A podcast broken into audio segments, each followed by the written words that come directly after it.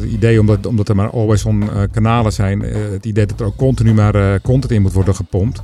dat, dan zou ik liever wat, wat meer doseren, wat jij zegt, dan, dan om alsmaar rotzooi erop te gooien die eigenlijk, ja, die eigenlijk helemaal niet aanslaat.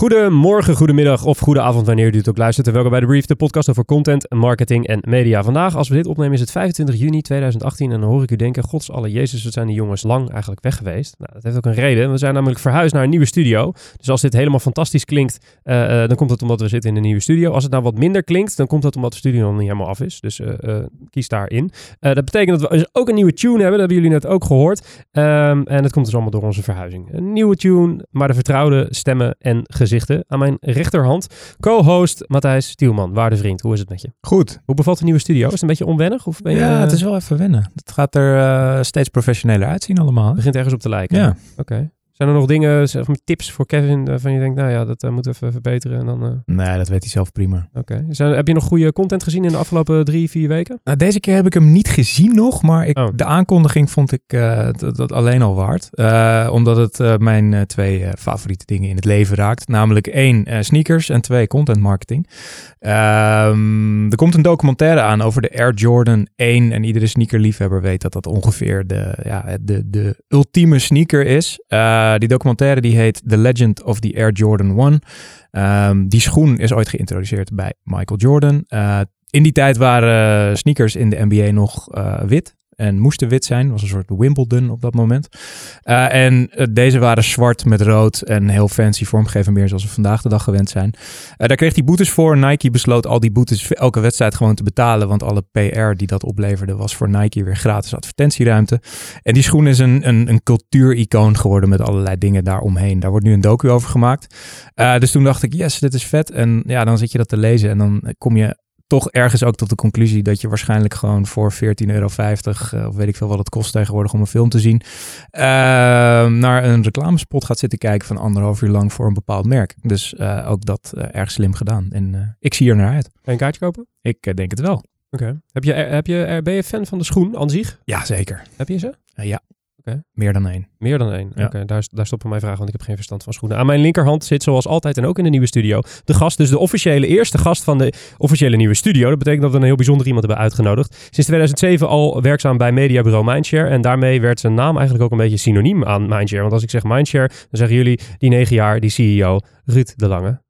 Hoe is het met je? Goedenavond, goed. Hoe vind, hoe, wat is jouw indruk van de nieuwe studio? Nou jullie hebben mij op een gat gezet, dus ik wacht uh, af tot jullie straks op die knop drukken en ik uh, eh, 100 meter onder Amsterdam verdwijn. Ja, je begint, je begint de strategie achter deze podcast eindelijk. Ja, we zijn gewoon onze concurrenten overal en ergens laten verdwijnen. Ja. Is het, voelt het wel een beetje, want je, je hebt natuurlijk een historie in de radio. Voelt het een beetje vertrouwd? Uh, ja, ik vind het superleuk. Ik was ooit radiopiraat en zo is het vonkje van media bij mij aangegaan. Oké, oké. En betekent dat ook dat je helemaal ontdaan bent van alle zenuwen? Ben je helemaal klaar? Ja, zeker, zeker. Dus dat was vroeger al zo. Dat was gewoon leuk om voor een microfoon te zitten. Oké, oké. En uh, luister je zelf podcast of is het toch uh, klassieke radio gebleven? Nou ja, klassieke radio ook, uh, maar ook, ook wel een podcast af en toe. Maar er is niet echt nog een, een, kanaal wat het voor mij cureert of zo op een of andere manier. Maar ik, ik heb er eentje gelezen, geluisterd van jullie en ik pak Business News Radio wel eens mee. En zo her en der pak je er eentje op. Kijk eens aan. Nou, kijk, misschien dat er in het nieuws wel een, eh, een tip voor je verscholen zit, uh, waarmee we je uh, definitief aan de podcast krijgen. Uh, en anders gaan we je in het interview gewoon overtuigen van dit prachtige medium. Ja. Betekent dat we nu gaan naar het nieuws, maar eerst even dit. Zijn we weer terug in de studio en ook in deze nieuwe studio gaan we het hebben over de drie nieuwsitems die de mediawereld in zijn of haar ban hebben gehouden. En we trappen af met een filmpje en wel een politiek filmpje van de dame M.J. Hagar. En dan, die kent u natuurlijk niet, omdat dat een, uh, relatief uh, ja, kleine Amerikaanse politica is. En een verse politica, want ze doet voor de eerste keer mee om, voor een plekje in het Amerikaanse congres. En waarom viel deze video ons nou op? Nou, het is eigenlijk een hele prachtige promotie semi-propaganda campagnefilmpje, uh, streep door wat u niet relevant vindt, uh, voor deze MJ Hagar. MJ Hagar is een dame, een veteraan, een moeder en uh, een, een Texaan. En ook in die staat gaat ze dus voor een van die plekjes in het Amerikaanse congres. En zij laat eigenlijk in een filmpje zien hoe zij vanuit haar plek in het, in het Amerikaanse leger uiteindelijk belandt in de race tegen een republikein van de Tea Party, van die oerconservatieve Amerikaanse politieke partij. Het filmpje viel ons voornamelijk op omdat de production value echt through the roof gaat. Ik wil niet weten wat dit gekost heeft. En de storyline was echt heel erg tof. Het gaat, gaat namelijk volledig over deuren. Dus deze dame begint met vertellen over de deur van haar helikopter. Uh, en vertelt daarna over de deur van haar ouderlijk huis. Waar haar moeder doorheen werd gegooid door haar iets wat irritante en asociale vader. de deur die vervolgens openging in het nieuwe huis waar ze heen ging. Kortom, een, een heel mooi geschreven, een heel mooi geproduceerd politiek filmpje. Waar de VVD en hun vluchtelingen cabaret nog wel een puntje aan kunnen zuigen op het gebied van politieke campagnes wat mij betreft. Matthijs, heb jij het gezien? Ja. Vond je ervan? Ja, super mooi. Het is echt uh, campagne voeren 2.0, zeg maar. Um, althans, 2.0 klinkt alsof het nieuw is. En ik, ik denk dat dit het eigenlijk gewoon is tegenwoordig. Weet je? En deze vrouw die begrijpt dat heel goed. En um, ja, super scherpe boodschap. En uh, prachtig om te zien. Ik, uh, ik gun het haar. Ja, wat vooral opviel was dat zij heel erg best wel natuurlijk en geestig acteert. Ja. normaal gesproken, de, de politi politici die in dit soort filmpjes uh, acteren, ja, daar, daar, daar, daar dondert eigenlijk het hele concept mee onderuit. Maar deze dame deed heel erg best wel geestig en best wel uh, maakte het ook niet te zwaar. Want heel veel van die Amerikaanse politieke filmpjes zijn ook vaak heel een soort van gooi een soort van deken van drama over je heen. Ja. Uh, en dit was eigenlijk best wel, uh, best wel slik gedaan. Ja, het is een beetje het omgekeerde Trump-effect, weet je wel. Dus, dus omdat Trump er nu zit, gaan heel veel gewone dus echte mensen uh, campagne voeren omdat zij hun stem willen laten horen. En, en door dit soort dingen te doen, um, ja, gaan we hopelijk zien dat er een soort tegenbeweging komt. Ja, ja, dat. Of uh, ze claimen gewoon heel mooi die positie van in het verzet. Hè? Want dat is natuurlijk ja. ook gewoon een hele slimme strategie. Ruud, heb je het filmpje gezien? Ja, op jullie aangeven. God, dat is toevallig. ik hou alles bij. Uh, wat vond je ervan? Nee, wat je zegt, er zat een hoge productievalue achter. En ook uh, een behoorlijk aantal views ook, zag ik uh, op, op, op YouTube. Het zou wel interessant zijn om te kijken of ze, of ze deze video misschien wel in stukjes gaan opknippen. En dan nog meer getarget kan wegzetten, zoals dat echte mens Trump zeg maar ook deed. Ja, ja, ja. ja, ja. ik hoop alleen niet dat al die views uit Nederland en Europa en alle reclame mensen komen, maar dat het ook stemmers zijn. Nou, die, het ironische was, ik kwam deze tegen via een, een retweet, want ik zit uh, net als Ruud uh, nog op Twitter. Het overigens aan een comeback bezig is, maar dat geheel terzijde. ik kwam er tegen via Twitter en toen klikte ik op de YouTube-link. En toen stond het filmpje, toen ik er vorige week op klikte, nog op een niet ingericht YouTube-kanaal onder de naam van die dame. zonder omslag, zonder avatar, zonder description. Dus gewoon puur was YouTube gebruikt als een hostingpartij van nou, we moeten die video ergens neerkwakken zodat we het op Twitter kunnen zetten. En toen ik vandaag keek, was vervolgens heel dat account wel ingericht en stond er zelfs een donatielink in de omschrijving van de video. En de video staat nu op een kleine 2 miljoen views, geloof ik. Dus ik hoop dat ze dat net op tijd hebben gedaan en dat er niet gewoon maar, de laatste drie views alleen die, uh, die donatielink hebben gezien. Um, dat was het eigenlijk. Denken we dat dit in Nederland kan werken, Ruud? Uh, zo voor, uh, zie je een uh, Jesse Klaver, dit soort... Tuurlijk, video is natuurlijk heel krachtig om te gebruiken, ook voor politici. Daar moeten ze het eigenlijk van hebben. Ze doen het op televisie eigenlijk ook. Alleen ja, de filmpjes zijn in Nederland nog niet echt van een productiewaarde dat je denkt, goed gedaan, goede storytelling of goede productiewaarde. Dus ik heb er nog geen eentje. Denk echt in. De Geert Wilders was er wel heel goed in, moet ik zeggen. Ja, valt wel een beetje tegen. Uh, Matthijs, zo'n persoonlijk verhaal, want zij gaat eigenlijk heel de leven door. Denk, is, dat, is dat iets waar Nederlanders op zitten te wachten of zijn ze daar te nuchter voor? Denk jij? Nou ja, ik weet, het, het, werkt op de een of andere manier wel, weet je. Dus, dus um, ik denk juist dat Nederlandse politici echt wel wat kunnen winnen door gewoon wat uh, menselijker te zijn uh, en, en gewoon echt te zijn. Weet je, dat gevoel heb ik heel vaak met, met verkiezingen, dat ze dat er zo'n soort spelletje gaan spelen. En er zijn maar weinig politici die dat uh, die oprecht laten zien wie zij zijn en een interessant verhaal hebben. En ik ja. denk dat dat ook het succes van Jesse Klaver is geweest, de, de afgelopen verkiezingen in Nederland. Dat het uiteindelijk iemand was aan wie je kon, kon relateren. Um, en aan de andere kant is natuurlijk ook het, het, het succes van Wilders geweest ja, gewoon heel erg relatable zijn en, en um, ja, gezicht verbinden aan een, een bepaalde visie. En, ja, ja en nu scheelt, het, nu scheelt het natuurlijk daar dat zij ook gewoon individuele races, gewoon gezicht tegen gezicht is het daar steeds vaker. Ja. En hier is het gewoon de zoveelste uh, Paarse coalitiepartij tegen een andere. Maar goed, dat nou, geldt er zijn. Dat gebeurt wel met gezichten natuurlijk. Dat gebeurt ook met gezichten, dat ja. is niet... Uh, nee, nee, nee, dat klopt. Maar daar heb je natuurlijk al die, het zijn bijna allemaal gezichten tegen gezicht, gezichten daar. En, en, en hier, ja. ja, is het... ik denk hier heel belangrijk om een goed gezicht te hebben, anders... Uh, ja. ja, nou wie weet... Uh, meneer Pechtold, u heeft het gehoord. Uh, maak eens een fatsoenlijk filmpje. Of de VVD. Mevrouw Marijnissen. Mevrouw Marijnissen zou ook kunnen. Hey, uh, nieuwsitem nummer twee, Matthijs. Had jij iets moois gevonden? Ja, ik vond een leuk artikel. En um, dat gaat over het feit of influencer marketing dood is. Nou ja, dan wordt natuurlijk als iets populair wordt, gaat iedereen roepen dat het dood is. Ja. Dat is gebeurd met SEO. Nou ja, dat is volgens mij nog steeds niet dood. Het is gebeurd met Facebook en het is ook met e-mail marketing en weet ik wat al nog gebeurt. Um, dus dit artikel in die zin triggerde wel dat ik dacht van nou, kom maar op met die argumenten. Het stond op, uh, op, de, op de site van Kissmetrics. Uh, sowieso wel een leuk, uh, leuk blog wat zij daar hebben. En die zijn een beetje in de data gedoken van is het nou echt dood? Um, het antwoord, een beetje lafjes ja en nee. Um, maar uiteindelijk komt het erop neer dat voor, um, nou, voor, voor best wel veel mensen is influencer marketing nog rendabel. 70% van de bedrijven rapporteert namelijk een ROI van 2 dollar op iedere geïnvesteerde dollar. Dus dat is een, een heel gezond uh, rendement. En voor veel bedrijven is het zelfs nog, nog hoger. Um, maar aan de andere kant uh, staat influencer marketing ook bekend om het feit dat het extreem moeilijk te meten is. Um, dus die resultaten die kun je eigenlijk niet zo goed uh, hard maken. Het is relatief duur. Uh, het varieert van 1500 tot 2000 euro per post tot uh, de Kim Kardashians en de Beyoncé's en de Cristiano Ronaldo's die gewoon een half miljoen durven te vragen voor één fotootje op Instagram. Ook wel lekker, toch? Ja, lijkt me fijn. Um, dus dat soort bedragen, dat, dat loopt gewoon heel rap op. En uh, daar komt ook bovenop dat 20% van de bedrijven die het gebruiken helemaal geen ROI zien. Dus dan wordt het heel snel een hele verkeerde dure grap. Dus um, ja, je moet als bedrijf gewoon heel goed gaan kijken of het voor je werkt. Uh, wat, leuk, wat ik ook wel leuk vond, is dat ze ook wat alternatieven bieden. En, en daar kwamen eigenlijk de, de ouderwetse events uit naar voren. Ze zeggen van ja, dat geld wat je aan een influencer geeft of aan een serie influencers kun je ook stoppen in een event. Uh, daar mensen oproepen om dingen te delen die jou daadwerkelijk bezoeken. En dan heb je eigenlijk een hele schade aan micro-influencers bij elkaar gebracht. Ze zeggen ook investeer in video. Um, en daar kwam wel weer een interessant feitje uit. Dat Cisco Systems, die verwacht namelijk dat in 2021, dus dat is al best wel rap, uh, 80% van al het verkeer op internet uit video-content zal bestaan. Dus zij zeggen ook ja, als je je video niet op orde hebt, stop dan daar al je geld in. Uh, want video is nog niet doodverklaard door iedereen. Gewoon zelf video maken bedoelen ze daarmee? Ja, gewoon eigen videocontent als, oh, ja. als merk. En, en, en maar wat betekent, sorry dat je nog breek, maar wat, wat, wat bedoelen ze dan met dood? Gewoon niet meer bruikbaar of zo?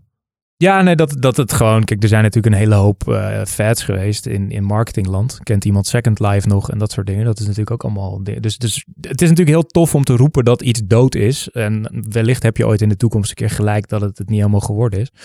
Dus, dus dat is heel makkelijk. Maar uh, ja, dus, dus zij roepen video, doe het, dat, dat blijft. Video is echt here to stay. En uh, de laatste vond ik ook wel interessant. En dat is, zij zeggen ook dat, uh, ja, ga voor affiliate marketing. Onderzoek dat nou eens, weet je wel. Dat is natuurlijk toch altijd een soort uh, below the radar ding gebleven. Maar dat is zowel voor de, de influencers interessant als voor de, de publishers en, en de merken.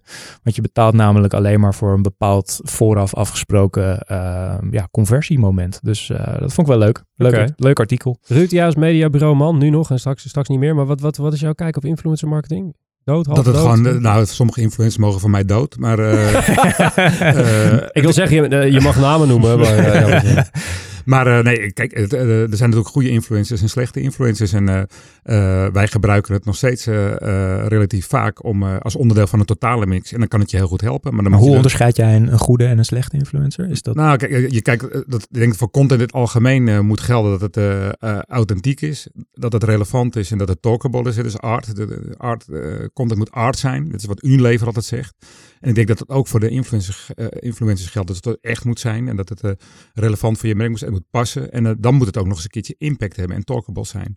En dat is natuurlijk heel moeilijk, want in, die, in het hele oerwoud van influencers zijn er maar weinig waar je denkt, nou, daar ga ik nou zeggen even rechtop voor mijn smartphone zitten of weet ik veel ja. wat. Dus dat, dus dat maar ja, we gebruiken het voor ING, voor, voor, voor welk merk eigenlijk niet. En, en, maar als onderdeel van de mix, en ik heb ook het artikel gelezen, want behalve de drie dingen die jij noemt, noemen ze nog een hele batterij van alternatieven tot en, tot en met e-mail marketing en toe. Ja, al die dingen zijn waardevol als je het op een bepaalde manier uh, goed op de, op de KPI inzet. En je zei van het is belangrijk dat het echt is. Een hele discussie rondom die influencer uh, marketing is natuurlijk uh, de, überhaupt het, de echtheid van het verkeer, de echtheid van de engagement. Om vooral gekochte volgers, gekocht ja. engagement, dat soort ja. gelul. zijn er dingen die je als mediabureau kan doen om daar al vooronderzoek naar te doen? Of zijn er bepaalde soort van bars die een influencer moet halen voordat een, een bureau, mediabureau als Maatje met ze gaat samenwerken? Nou, het hangt een beetje natuurlijk van de KPI, van de doelstelling van de campagne. Soms kan een micro-influencer met een heel klein bereik en een niche heel sterk voor je werk. Of die heeft een grote influence ook naar, naar, naar, naar naar, uh, naar nieuws of naar journalisten. Dus dan kan het ook heel klein zijn en het kan ook heel groot zijn. Ik bedoel, wat die jongens van Stuk TV doen, wat Giel de Winter doet. Ik vind eigenlijk niet eens een influencer. Het is een echte formatdenker eigenlijk, die daar met, met, met jachtseizoen of met, met Horror Night, dat, dat soort formats gewoon echt grote publiek trekt. Maar dat ook, een mediamarkt gewoon. Ja. ja. maar ook gewoon een mooie producties voor Samsung maakt tijdens de Olympische Spelen. Ik vind dat een heel goed voorbeeld van en bereik en kwaliteit. Precies. En daar zijn er niet echt heel veel van. Nee, dus eigenlijk zeg je dat op het moment dat je op kwaliteit en authenticiteit gaat filteren, dan filter je eigenlijk alle neppe shit er al ja, uit. Ja, ja, ja. en vooral het aantal nepvolgers, dat is nu ook, ook weer een ding in het Ja. nieuws. Ja, daar heeft Unilever ook wat geroepen, over geroepen in kan. Ja, daar moeten we, de technologie moet daar ons ook uh, bij gaan helpen, hoe we de nepvolgers uitfilteren, et cetera. Precies, oog op authenticiteit. Dus Ja. uh, de laatste uh, nieuwsitem, je maakt zelf al het brugje, je gaat over kan. Uh, nieuws, laat, laatste nieuwsitem van de, van de week. Het, het kan is natuurlijk geweest, we zijn dit, vorig jaar waren we er, dit jaar waren we er uh, niet. Maar we moeten het er toch in deze aflevering heel even over hebben. Dus we hebben eigenlijk een beetje gekeken naar wat wij de leukste winnaar vonden van het festival. En die vonden we eigenlijk via een, een stukje op Adweek. Met de briljante kop Giant Piles of Garbage Win Big at Cannes.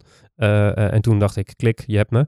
Uh, en toen zat ik in dat artikel, toen bleek dat er een, een campagne is geweest die heette Trash Isles. Dat was een campagne voor de Plastic Oceans Foundation. Die is gemaakt door AMV, BBDO en, van Londen en, en Bible. Best wel een interessante combinatie. en wat hebben ze gedaan? Nou, ze hebben een, een campagne gemaakt waarin een plastic eiland, of eigenlijk een drijvende hoop met plastic, dat grote probleem wat we in alle oceanen zo'n beetje hebben.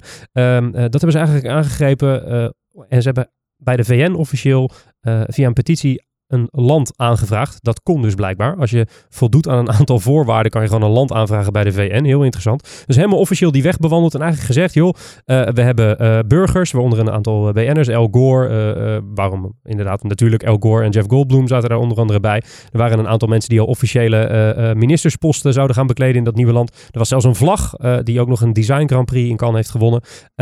en ze hebben dus gewoon via die officiële petitie hebben ze een officieel land aangevraagd om dat probleem onder ogen te brengen. Nou goed, in de categorie PR heeft deze, uh, heeft deze campagne een, uh, een Grand Prix gewonnen. Want deze campagne die, nou, genereerde enorm veel aandacht in internationale pers. en daarom zijn ze dus ook bekroond. En ik vond het best wel een geestige... e eerst dacht ik, het is een beetje een gimmickje. En toen hoorde ik, nou, linkje met PR. Toen dacht ik, nou, daar is het best wel, best wel effectief. Matthijs, wat vond je ervan? Ja, voor campagne creativiteit super tof gedaan. Alleen, ja, mijn gevoel was een beetje van, oké, okay, en nu?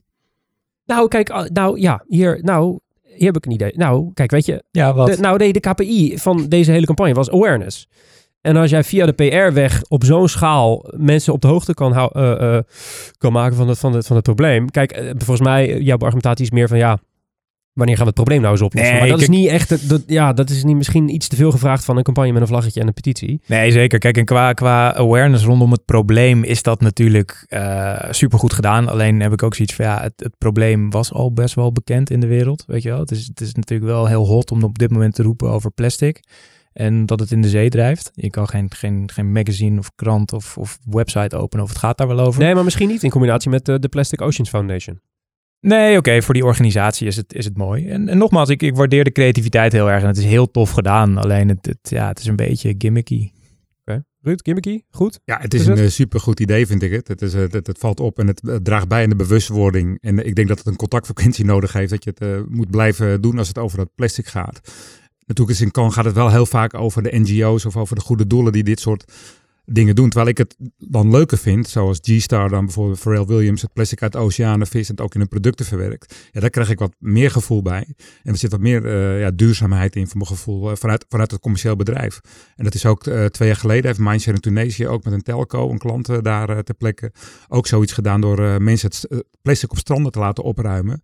En afhankelijk van het aantal kilo's die je inleverde, kreeg je gratis MB's van, de, van de telco. Dat, dat, dat, dat zijn ook manieren om het te doen, weet waarin toch ook bedrijven een rol gaan spelen in, uh, ja, in het, uh, het, opruimen van de planeet, zeg maar. Ja, het, maakt, het geeft het wat meer gelaagdheid. Dat is ja. wat je zegt. Ja. Nou ja, en het is, kijk, het is natuurlijk heel, goed, heel makkelijk vanuit een goed doel een goed idee te bedenken. Maar het is vanuit commerciële bedrijven. Ik denk dat twee derde van die prijzen daarin kan gaan naar dit soort organisaties. En er is toch heel veel, weinig grote bedrijven die daar op een purpose manier zeg maar uh, prijzen winnen. Ja. Nou, ik denk dat dat ook een beetje is wat bij mij wringt. Dat je denkt van oké, okay, dan weet je het. En uh, morgen gaan we gewoon met z'n allen weer verder om, uh, om, om die shit te kopen en in, in de zee te donderen. En, en die voorbeelden die, die jij geeft, weet je, dat, dat is gewoon concreet en, en is echt actie. En drijft mensen dus daadwerkelijk tot het ondernemen van actie. En dat zou denk ik mooier zijn. Oké. Okay. Ja, nou, maar wil ik toch het laatste woord hebben. De doelstelling van deze campagne was awareness rondom het probleem in combinatie met de organisatie. Dat is gelukt. Ja. En ze hebben de twee Grand Prix voor gewonnen, dus ze hebben iets goed gedaan. Absoluut. Eh, mocht hij nou iets in dit nieuwsoverzicht hebben gehoord waarvan hij denkt, hé, hey, daar wil ik meer over weten. Of die ene verwijzing die Ruud of Matthijs of ik eh deed, eh, dat, dat wil ik even zien, dat wil ik even voelen. Ik wil even zien hoe die berg plastic eruit ziet. Of dat mooie filmpje van die Amerikaanse politica. Die kunt u allemaal terugvinden in de show notes. Die vindt u op brainparkagent.com slash podcast. Dat is een hele lange URL, maar we hebben een heel handig linkje in de beschrijving van deze eh, eh, aflevering, waardoor je met één druk op de knop eh, bij alle verwijzingen, alle quotes uit het interview bent. Hartstikke handig, de show notes dus. wayneparkagent.com slash podcast. Dan gaan we nu naar het interview, maar eerst even dit. Inmiddels weet je waarschijnlijk wel dat de brief gemaakt wordt door Wayne Parker Kent. Daar werk ik en daar werkt Matthijs. En, en wellicht werk jij binnenkort ook bij ons. Want we zoeken non-stop nieuwe talentvolle mensen die ons komen versterken. Dus ben je een mediastratege, accountmanager, redacteur, copywriter, designer, developer, projectmanager, videoproducer. Zoek je een stage, een fulltime job, parttime job, freelance job of heb je gewoon een vet idee. Eh, whatever, dan zijn we wellicht dus op zoek naar jou en zouden we graag een kopje koffie met je drinken. Alle openstaande vacatures vind je op wayneparkerkent.com slash jobs. En wat je ook kan doen is klikken op het linkje in de beschrijving van deze aflevering.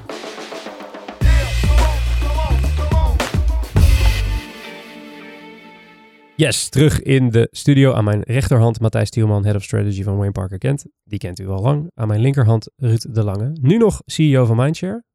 Ben je al negen jaar. Ja. Ruim negen jaar moet ik zeggen. Negen jaar, vier maanden, zoiets.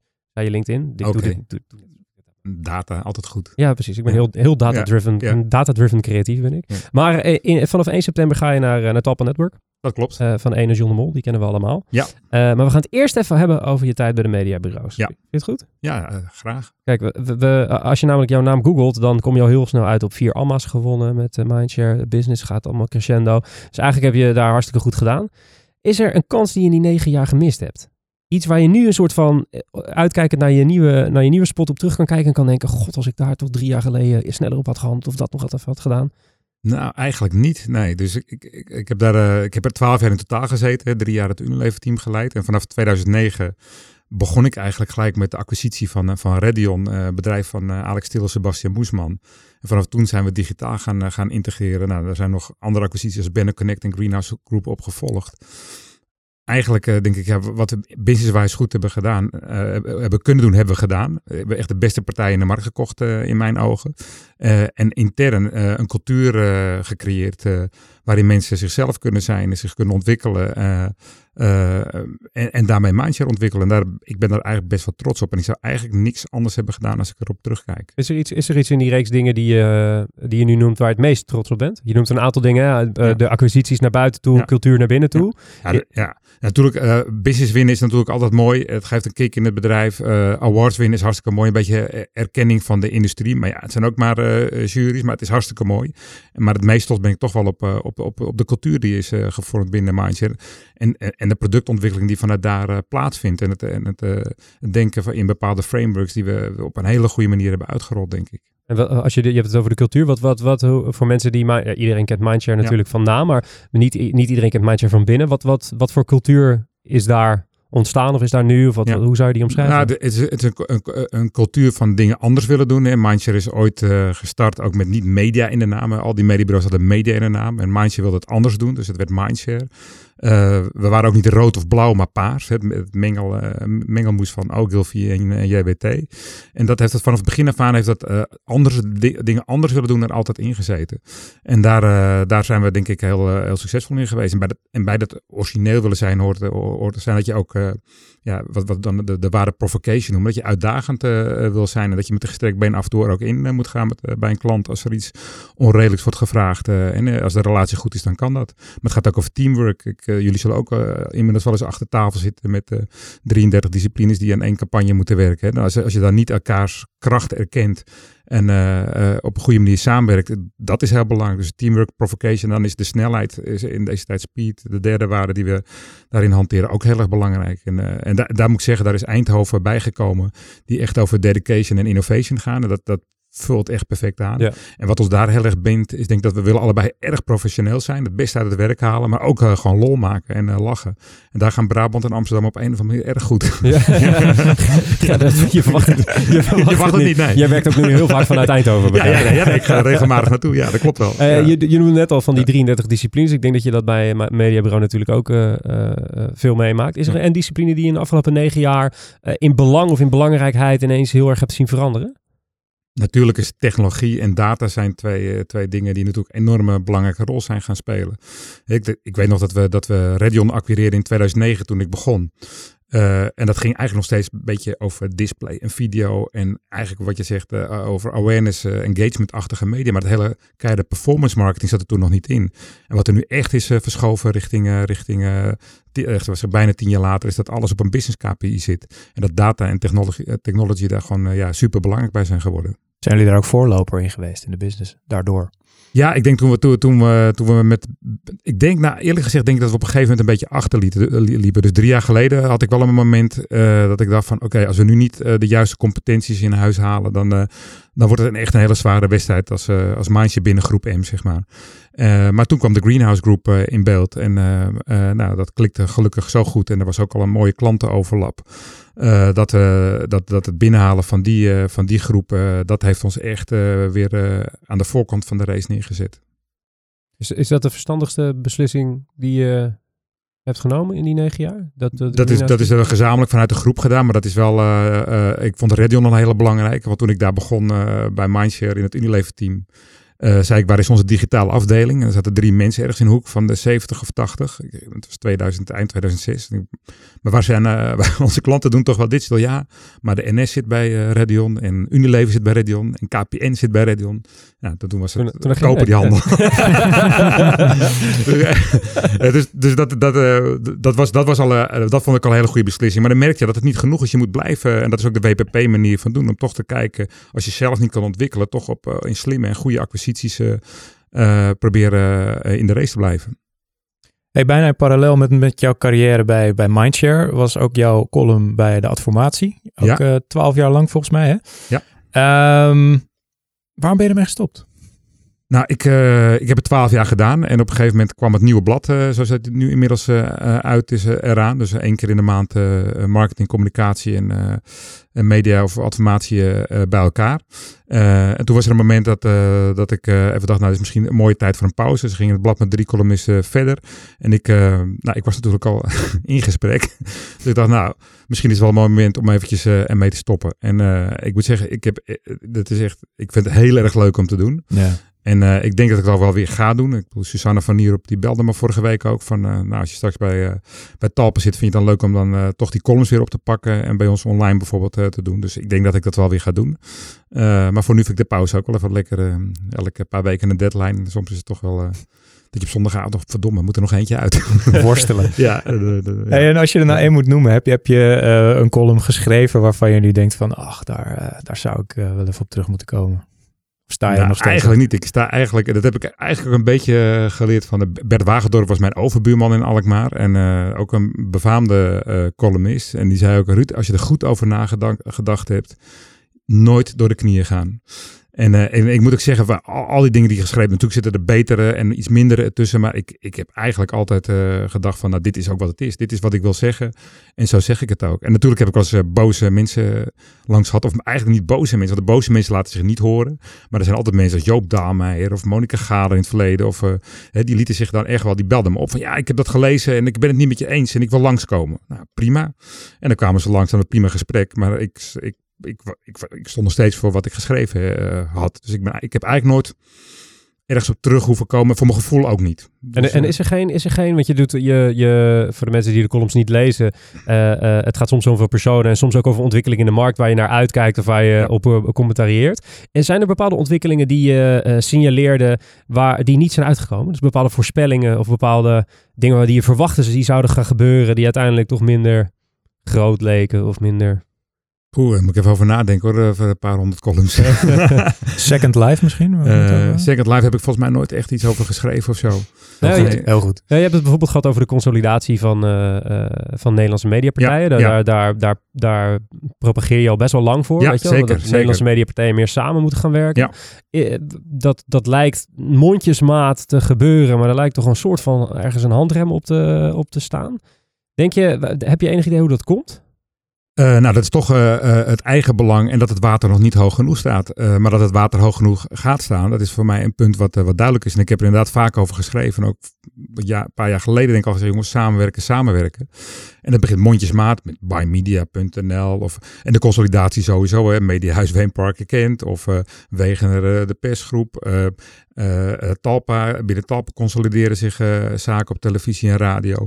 Dus je, je ziet die consolidatie wel plaatsvinden. En nu moet nog de samenwerking meer op, op, gang komen. Dus nu een NL-profiel initiatief in de markt van een paar uitgevers. Ja, het zijn allemaal eerste stapjes, maar nog niet echt, echt grote stappen, denk ik, die gemaakt moeten worden. Uh, zag je dan in je tijd bij Mindshare dat, dat Wilde Maatje daar, kon daar een rol in spelen? Zag je daar een rol voor? Om, om... Ja, zeker. Nou, we praten natuurlijk uh, op, het, op niveau bij publishers met, uh, over de problemen die ze hebben. En uh, in bepaalde mediumtypen de omzet die flink onder druk staat. Hè. Dat was eerst printen, dat is nu televisie. En, en dat gaat allemaal naar een paar partijen. Dus die, ja, die gesprekken zijn er continu. En wij moedigen eigenlijk, eigenlijk continu aan om ook die samenwerking op te pakken.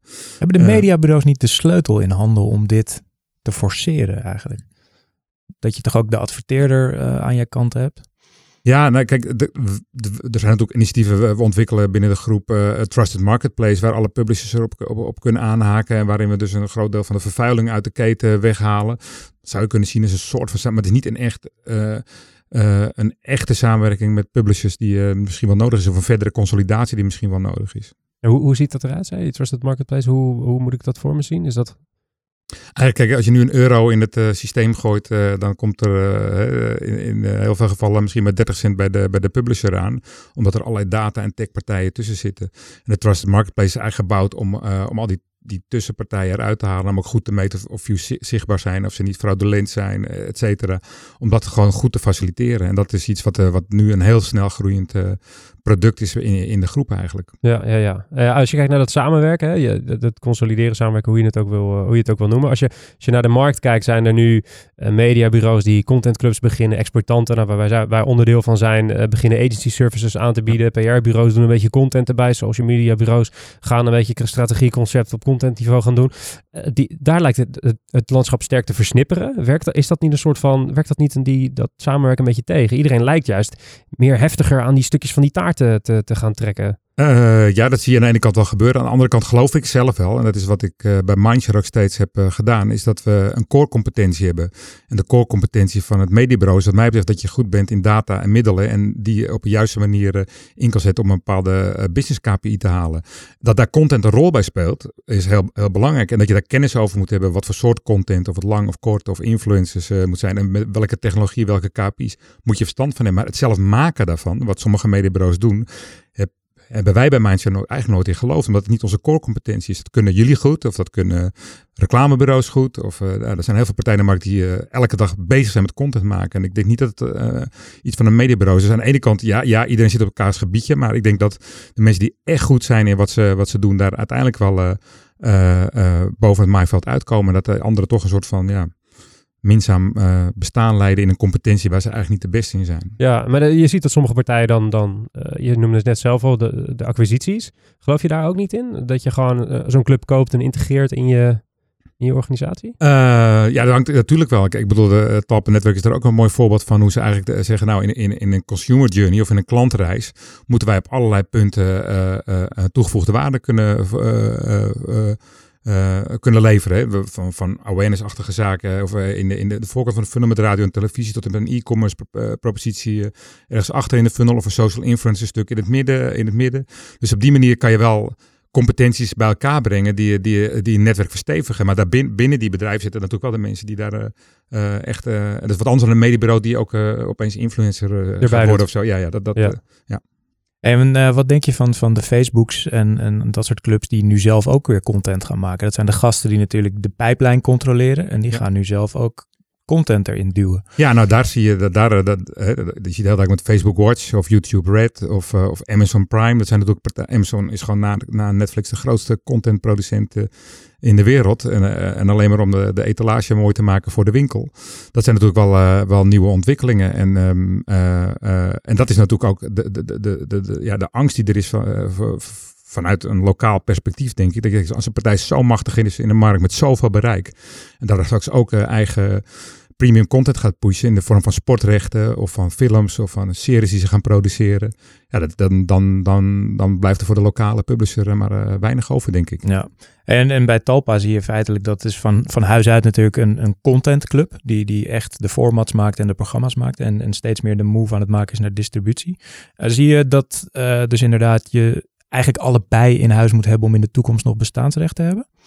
Nou, je ziet natuurlijk, dat zie je internationaal, dat er heel veel uh, Time Warner-achtige fusies van content en distributies, uh, van content en distributie aan het ontstaan zijn. Of je ziet het in Nederland ook met Liberty of Ziggo, uh, die een eigen sportkanaal gewoon ook start. Daar zie je distributie en, en content in één. Dus iedereen probeert in die keten, door middels van verticale integratie, een, een stevigere positie te, te krijgen. En eigenlijk, eigenlijk op zoek naar de betaalrelatie is met die, met die consument. Want degene die die betaalrelatie heeft, die, ja, die zit toch wel heel erg goed.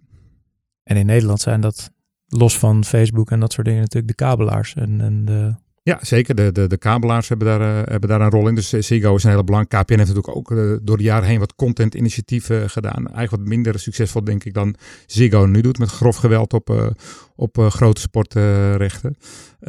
maar ja, Facebook en ik denk Facebook en Google dat, dat op dit moment met premium content in Nederland. Ik denk dat ze zich echt richten op die grote markt. Dat ze de regels willen veranderen. En dat ze dat met grote uh, content in grote markten doen. Dus Facebook die op de cricketrechten in India biedt. Ja, dat zijn game changers. En uh, ik, ik help toevallig mijn clubje AZ wel eens een beetje. En uh, toen waren we ook aan het kijken of we met Facebook misschien wat konden, konden, konden live streamen.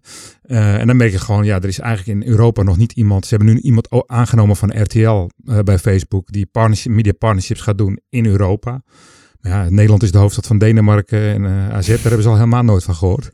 dus ja, daar, zie je, daar ligt, het hele, daar ligt een hele, hele belang nu niet, weet je. Nee. Dus dat moet echt grote stap snel thuis maar zijn. Dat, maar dat, dat, dat, biedt voor, voor uh, mogelijk je nieuwe werkgever wel weer kansen. Ik bedoel, als die, als die grote techreuzen ons maar lang genoeg links laten liggen, dat ja. geeft misschien de Nederlandse, het medialandschap een beetje de tijd om de dingen te bouwen om die, uh, om die aandacht te, te, te, vangen. Ja, natuurlijk. Het gaat om, om, om, om goede, uh, ja, winnende content te maken. Uh, dat, en daar in de distributie ook het evenwicht te vinden. Om niet compleet als een heroïne, heroïneverslaafde aan de, aan de pijplijnen van Facebook en Google te hangen. Precies, en daarvoor om dat, om dat voor elkaar te krijgen is zo'n alliantie of zo'n consolidatie of samenwerking is essentieel in jouw optiek. Ja, ik denk als je de beste content lokaal wil maken, dan moet de verdere consolidatie nog, uh, nog plaatsvinden. Ja, ja. Is, is er een alliantie, uh, uh, ik noem het woord alliantie trouwens bewust, omdat je ooit hebt gezegd over je nieuwe werkgever Talpa, die uitermate goed zijn in het sluiten van allianties. jij gaat naar Talpa Network in, in 1 september, ja, je, ja. ik. Is er een alliantie die jij graag gesloten ziet worden in de toekomst tussen een Talpa en mogelijk een KPN of een Ziggo of een...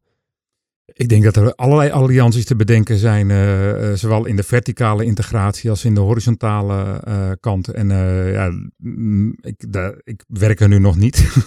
nee. En natuurlijk zijn daar wel, wel plannen voor. En ik denk dat iedereen die wel kan bedenken. Denk je, denk je dat jouw mogelijke, nou ja, jouw toekomstige plek daar ook een rol in, in gaat spelen? Als, als, uh, nou ja, kijk, als je, als je onderdeel bent van, van, van, van, uh, van een uh, leiderschapsteam binnen Talpa Network, dan praat je daar natuurlijk met elkaar over welke strategie te volgen en welke partners te kiezen of te acquireren.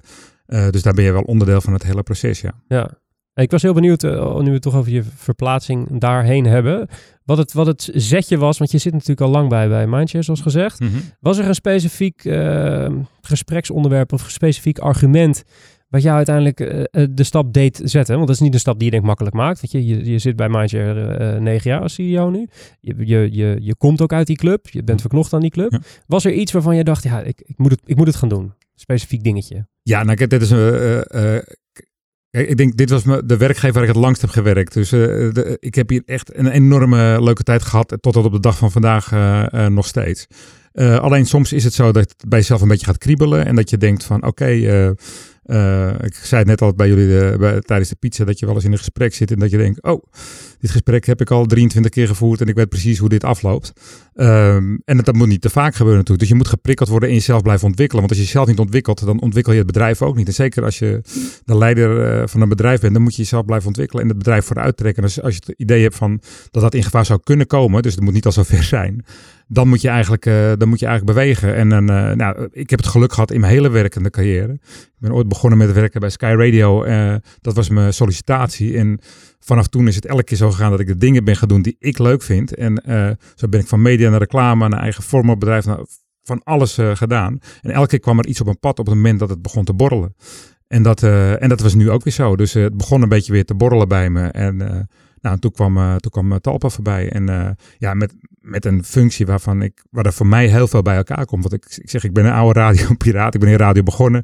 Ik heb bij FNV, uh, zowel in het reclamebureaus en de content kant gezeten. Een eigen formatbedrijf. Uh, nou, er komen gewoon heel veel verschillende dingen voor mij nu bij elkaar in de functie die, die mij daar nu aangeboden is. En dat, ja, ik, heb, ik vind het erg leuk om te gaan doen. En ik ga mindje gewoon met een gerust hart achterlaten ook. Omdat, omdat mijn opvolger Adva daar ook uh, nou, zo goed als klaar voor is.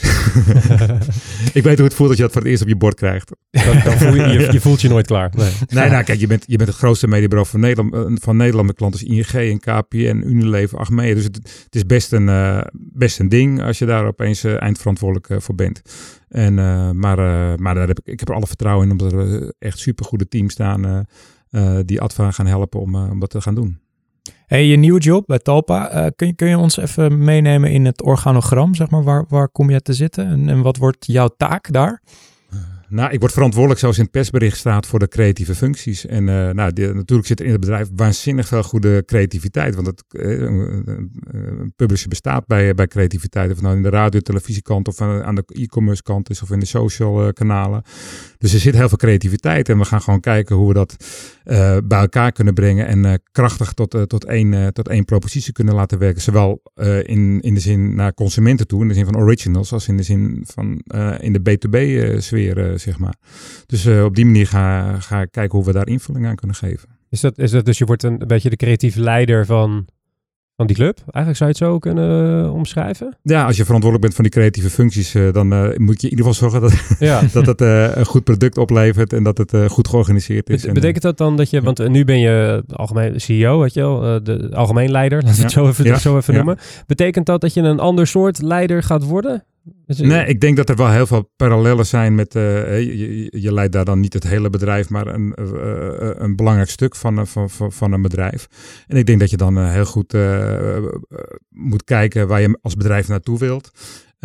Dat je dat niet, ik ben niet van de top-down benadering, maar echt van verantwoordelijkheden bij mensen neerleggen. En ik denk dat er heel veel goede mensen in het bedrijf zitten. En als je die kan helpen meer richting te geven, zorg dat ze veilig zijn, zorg dat je diverse teams hebt uh, in een omgeving die prikkelt en inspireert, ja, dan moet, dat geldt ook voor Minds of elk ander bedrijf, dan moet die creativiteit er gewoon uh, afspatten. Uh, je, zei, je zei net, als je het gevoel hebt dat je jezelf niet meer ontwikkelt als, in je functie, dan wordt het misschien tijd om weg te springen. Is er een specifiek gebied waarin jij jezelf bij Talpa nog ziet ontwikkelen? Is, er een nou, bepaald, bepaalde richting of bepaald talent waarvan je denkt, nou, dat, dat, moet, dat hoop ik daar te vinden, om dat verder van mezelf nou, kijk, het is toch kijk, het, managen van, eh, van, van creativiteit uh, en uh, daar eindproducten uit te voorzien is toch iets anders dan bij een mediabureau.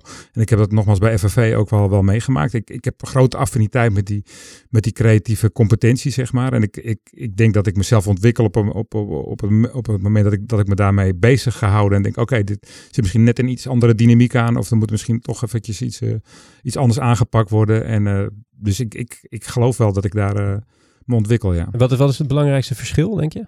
Tussen het, je zei tussen het mediabureau en de, en de creatieve? Dus het leidinggeven? Ja, ik denk dat het leidinggeven nogmaals in, in, heel veel parallellen zijn met hoe je, hè, dat mensen zich, uh, nogmaals, dat je diverse teams hebt, dat ze zich uh, moeten kunnen ontwikkelen, dat ze, dat, dat ze ruimte krijgen. Maar er moet een verschil zijn, het is een ander DNA. Ja, tuurlijk, maar ik denk dat, kijk, ik denk dat het meer experimenteren is. Ik denk dat het meer hoofdpijn is in de zin van dat heel veel van je kindjes, dat zal jij ook weten, toch uh, doorgespoeld worden. En misschien worden acht van de tien kindjes wel doorgespoeld. En dan, dat is toch een, een, een, dynamiek waar je ook, waar je ook goed tegen moet kunnen. Dat niet al je ideeën, ook al vind je ze supergoed en uh, moeten ze eigenlijk een leeuw winnen, dat ze dan toch, uh, dat ze toch uh, niet, niet doorgaan. Dus dat, dat is wel iets, dat is denk ik wel nieuw in de zin dat je als je met media en data bezig bent, weet je ook niet precies het eindproduct, maar weet je wel iets beter wat eruit komt rollen dan met creativiteit. Ja, er is enigszins een absolute waarheid te vinden ergens. Ja, en, en creatieve producten zijn toch altijd een beetje onderhevig aan, aan smaak. Ja en de mening van uh, een marketingmanager of ja. dienstbaas. Of iets. Ja, Al spelen data daar natuurlijk ook steeds een meer belangrijke rol uh, bij. Ja, ja, oh, maar dat is wel een interessante, uh, interessante hoek die je aansnijdt. Is, denk je, we hebben hier vaker het gesprek namelijk gehad met andere gasten of, of die datamachine, die AI-machine ooit dat creatieve werk kan, kan vervangen. Wat is, jouw wat is jouw standpunt daarover? Nou, je hebt creatief werk en creatief werk. Je hebt creatief werk boven in de funnel, om het maar even te noemen, en onder in de funnel. Dus het gaat over dynamische creatie. Dat, dat doen we al in Eindhoven. En nu met uh, op basis van, uh, van, uh, van, van gedrag van consumenten wordt creatie aangepast. Maar dat is binnen een paar simpele assets van, van vorm en prijs, copy. Ja, en dan zit er alsnog iemand wel met een knotje en een en een snorretje aan het begin van de machine. Iemand die, ja. Ja, ja exact. die, er wat, die er wat variaties in pompt, waar de computer dan van, uiteindelijk van bepaalt welke variatie het beste is. Ja, maar ook dat de computer die, die uh, uitingen zelf aanpast. Dus dat uh, uh, zo'n zo tool als LemonPie die ze in Eindhoven gebruiken, is daar een, voorbeeld van, denk ik. Dus daar, daar, daar gebeurt het wel. Maar en verder zullen data een rol spelen. Natuurlijk bij het bepalen van touchpoints, waar moet, waar moet die content terechtkomen. En ook als de content eenmaal draait, ik denk dat jullie dat niet anders doen, dat je kijkt van via AB of kijk, werkt dat? Maar ook met neurowetenschappen, wat ook een vorm van data is, kan je ook heel goed naar creativiteit kijken en zien van, hé, hey, dit is, hier, hier, missen we even een stukje of hier gaat de emotieknop in de, ho in de hoofd niet aan, dus daar moet wat anders gebeuren. Ja, ja, ja. Dus uh, ik denk dat, en ik, dat is wat Talp ook heeft aangekondigd, maar ook uh, naar data en creativiteit nadrukkelijk te kijken. Het persbericht wat vandaag of gisteren, ik weet niet of jullie het hebben gelezen. Gaat in de show notes. Oké, in de show notes. Nou, ik mijn mond. en en, en de, de, het einde van, we het net over het begin van de machine. En het einde van de machine, het beoordelen van het, van het creatief werk. Is er iets waar jij uh, als, als creatief leider, ik blijf die term gewoon gebruiken, iets, iets naar iets universeels, een universele factor kijkt om, om werk te beoordelen? Ofwel, is er iets wat werk goed maakt? Is er iets waar je altijd naar zoekt als je iets ja, ik vind altijd dat het, uh, als we het weer op de art-formule uh, van net uh, tegenkomen, dat, dat het authentieker, maar dat, dat het talkable is, dat het impact heeft, vind ik heel belangrijk. En ik, ik vind dat er nog te veel middelmatig daarin zit. En ik vind het ook heel belangrijk dat er een nieuwe concept, dat er in nieuwe uh, kanalen wordt gedacht. Als je nu Lucky 13 kijkt, dat vind ik, of jullie kennen HQ Live waarschijnlijk ook wel. Ja, dat vind ik echt het nieuwe televisie. Het is toch een soort van nieuwe televisie, want je krijgt een push notification. Dus het is, het is om echt om 7 uur of om 9 uur s avonds. En je ziet gewoon een host in beeld en je zit een, een spelletje mee te. Het is gewoon Ja. Het is, ja, ja, maar dat is toch, en dat is seizoensjacht van, uh, van, uh, van Stuk TV ook. Want op zaterdagmiddag zat mijn zoon om 5 uur sharp zat hij achter zijn bureau. Omdat de nieuwe aflevering, de eerste nieuwe aflevering, als je daarover wil meepraten, moet je toch om vijf uur kijken. Uh, en dan kan je hem later nog wel een keer zien natuurlijk. Maar dat, uh, ja, dus dat, dat soort concepten die ook in die nieuwe kanalen. Hè, en ik vind Lucky dat echt een heel mooi voorbeeld. Want omdat je daar ook heel veel, heel veel data weer gaat verzamelen over, uh, over kijkers of over consumenten. Wel heel interessant. En is er dan een reden waarom er zoveel middelmaat blijft zijn? Komt dat door een soort van gehaastheid om maar te moeten willen blijven communiceren in die schermen? Ja, ik, ik denk dat er heel, in, in de bedrijven zelf natuurlijk heel veel uh, uh, meningen zijn van marketingmanagers, van brandmanagers. En iedereen moet er overheen plassen en niemand wil te veel risico nemen. En uiteindelijk komt er een, uh, ja, een breiwerkje uit omdat iedereen overheen heeft geplast. en een soort van middelmaat. En ja, je hebt je hebt ook klanten nodig die durven en die, die ballen tonen om een keertje voor iets te gaan wat misschien wat spraakmakender is. Denk, denk je dat de soort van zucht om maar continu te willen, moeten, moeten communiceren daar ook een rol in speelt? Zouden merken niet wat vaker hun mond moeten houden en dan als ze wat zeggen iets goed moeten zeggen? Ja, dat denk ik wel. Het idee omdat, omdat er maar always on uh, kanalen zijn, uh, het idee dat er ook continu maar uh, content in moet worden gepompt. dat, dan zou ik liever wat, wat meer doseren wat jij zegt, dan, dan om alsmaar uh, rotzooi erop te gooien die eigenlijk, ja, die eigenlijk helemaal niet aanslaat. Data moet hier toch ook een sleutel zijn. Als ja. je gewoon maar kan aantonen ja. dat iets werkt, dan is het met je klant ook een veel of makkelijkere discussie die je Zeker weten. Dus op het moment dat je de meningen eruit haalt, dan ja. Dan ben je er wel, toch? Ja, dus maar uh, toch moet je, moet je ze de kost nog geven hoor. Die uh, van alles nog uh, te melden hebben over wat content. En ook niet iedereen is dat nog met data zo goed aan het meten. Nee, nee het is moeilijk om dat allemaal bij elkaar ja. te krijgen. Ja. Die maar je hebt gelijk hoor, ik ben het helemaal met je eens verder over het principe. ja. nou je, je gaat naar Talpa, je hebt ongetwijfeld al nagedacht over wat je allemaal ongeveer moet gaan doen. Wat is nou ehm, de eerste kans waarvan jij zegt, daar gaan we voor? Op creatief gebied. Nou, ik, dat weet ik niet. Ik, ik, ga, ik ben wel benieuwd naar, uh, naar al die creatieve mensen die daar in die bedrijven zitten. Daar ga ik, daar ga ik mee praten. Dan ga ik vragen hoe ze het vinden. Hoe, uh, hoe ik ze kan helpen om uh, dingen beter, ideeën aan te brengen. Om, om synergie. Ik denk dat dat wel een dingetje is. Dat je denkt, hoe je die assets met elkaar gaat verbinden op creativiteit. Dat dat een heel belangrijk stuk wordt. Dus uh, zowel naar, uh, naar consumenten, Lucky 13 en wat voor kanalen en assets kan je dat allemaal uh, uitnutten binnen het netwerk tot, tot naar de B2B-sfeer. Als we, weet ik veel, Albert Heijn en een concept wil, geleverd wil zien, hoe kan je dan in al die assets dat goed benutten? En dan, nou, dan kan je voorstellen dat, dat, jullie daar een WPK, die agency bijvoorbeeld, voor hebben, waar jullie allemaal werkzaam zijn. maar dat het bij Talpa nog niet is. Dus dat zijn, ja, dat zijn wel kansen natuurlijk. Dus eigenlijk een soort eerste, eerste Ben je 100 ons dagen. aan het verleiden, Ruud? Is dit... eh, ik, eh, ik heb hier een contract voor. staan. Als je zo betekent, dan... Onze baas luistert uit. Onze baas luistert uit. Slaaf van Hooyert. hey, als je kijkt, ehm, eh, je gaat van eh, de ene C naar de andere C, CEO, CCO. Is er iets wat je aan die CEO-plek gaat missen, denk je? Is er iets wat Nee, ik, nee, nee, ik- de- aan de C's en de, en de titels heb ik sowieso niet veel. Maar wat ik, wat ik, ga, wat ik, ja, wat ik ga missen is de, de mensen de, die, daar, eh, die, daar, die, daar, eh, die daar werken waar je zo lang mee opgetrokken bent. Dus daar heb je een relatie mee, mee opgebouwd. Eh, en van de CEO naar de CCO-plek, ik, ik, ik heb daar niet een, eh, een gevoel bij van... oké, nu ben ik, eh, weet ik veel wat, minder belangrijk. Of, eh, Oké. Nee hoor. Ik, eh, nee. En die column bij Adformatie, of gaat dat... eh, Die gaat wel weer komen, denk ik. Ja. Als ik eh, daar weer gezetteld ben, dan eh, denk ik dat het heel leuk is om daar vanuit dat perspectief ook eens dingen te schrijven. Ik zag, ik zag toevallig dat die baas van Studio 100, die doet dat ook eh, voor HP De Tijd volgens mij. Ja, klopt. En eh, die schrijft ook hele leuke columns. Ik denk dat ze vanuit zijn talperspectief ook prima kan. Spannend. Toch weer een scoopje.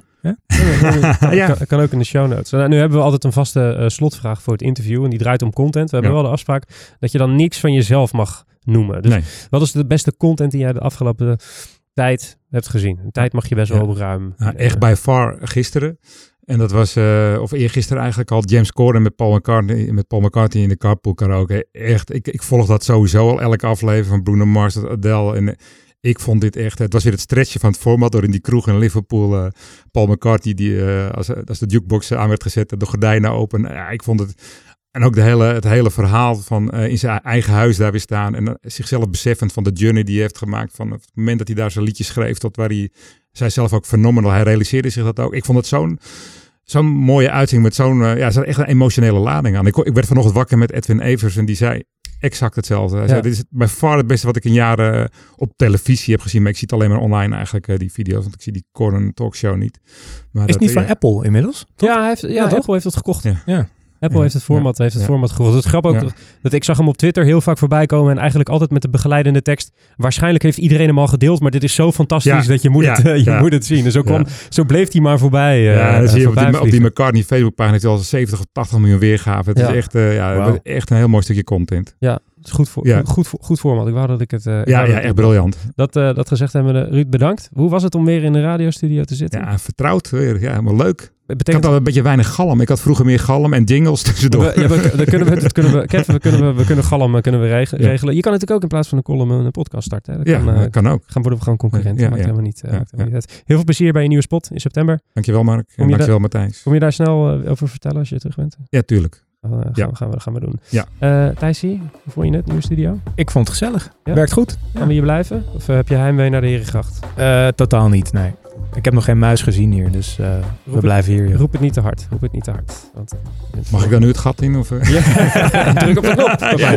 Alright, dat betekent dat we aan het einde zijn gekomen van de brief eh, in onze nieuwe studio. En zoals iedere aflevering wordt ook deze aflevering gemaakt door WPK, de agency, dus het content marketingbureau van Wayne Parker Kent. Onze mediapartners en Adformatie en BNR Nieuwsradio. Hartelijk dank daarvoor. Productie is zoals iedere aflevering in de handen van de onvolprezen Kevin Eiken. Die heeft geen microfoon, die gaat wel wat zeggen.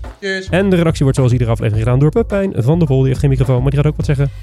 Volgende aflevering is over twee weken te gast dan. Hans Brouwer, CEO van Massive Music. Gaan we het over muziek hebben en misschien wel horen. Tot dan. Mijn naam was Mark Schoones. Bedankt voor het luisteren. Tot de volgende keer.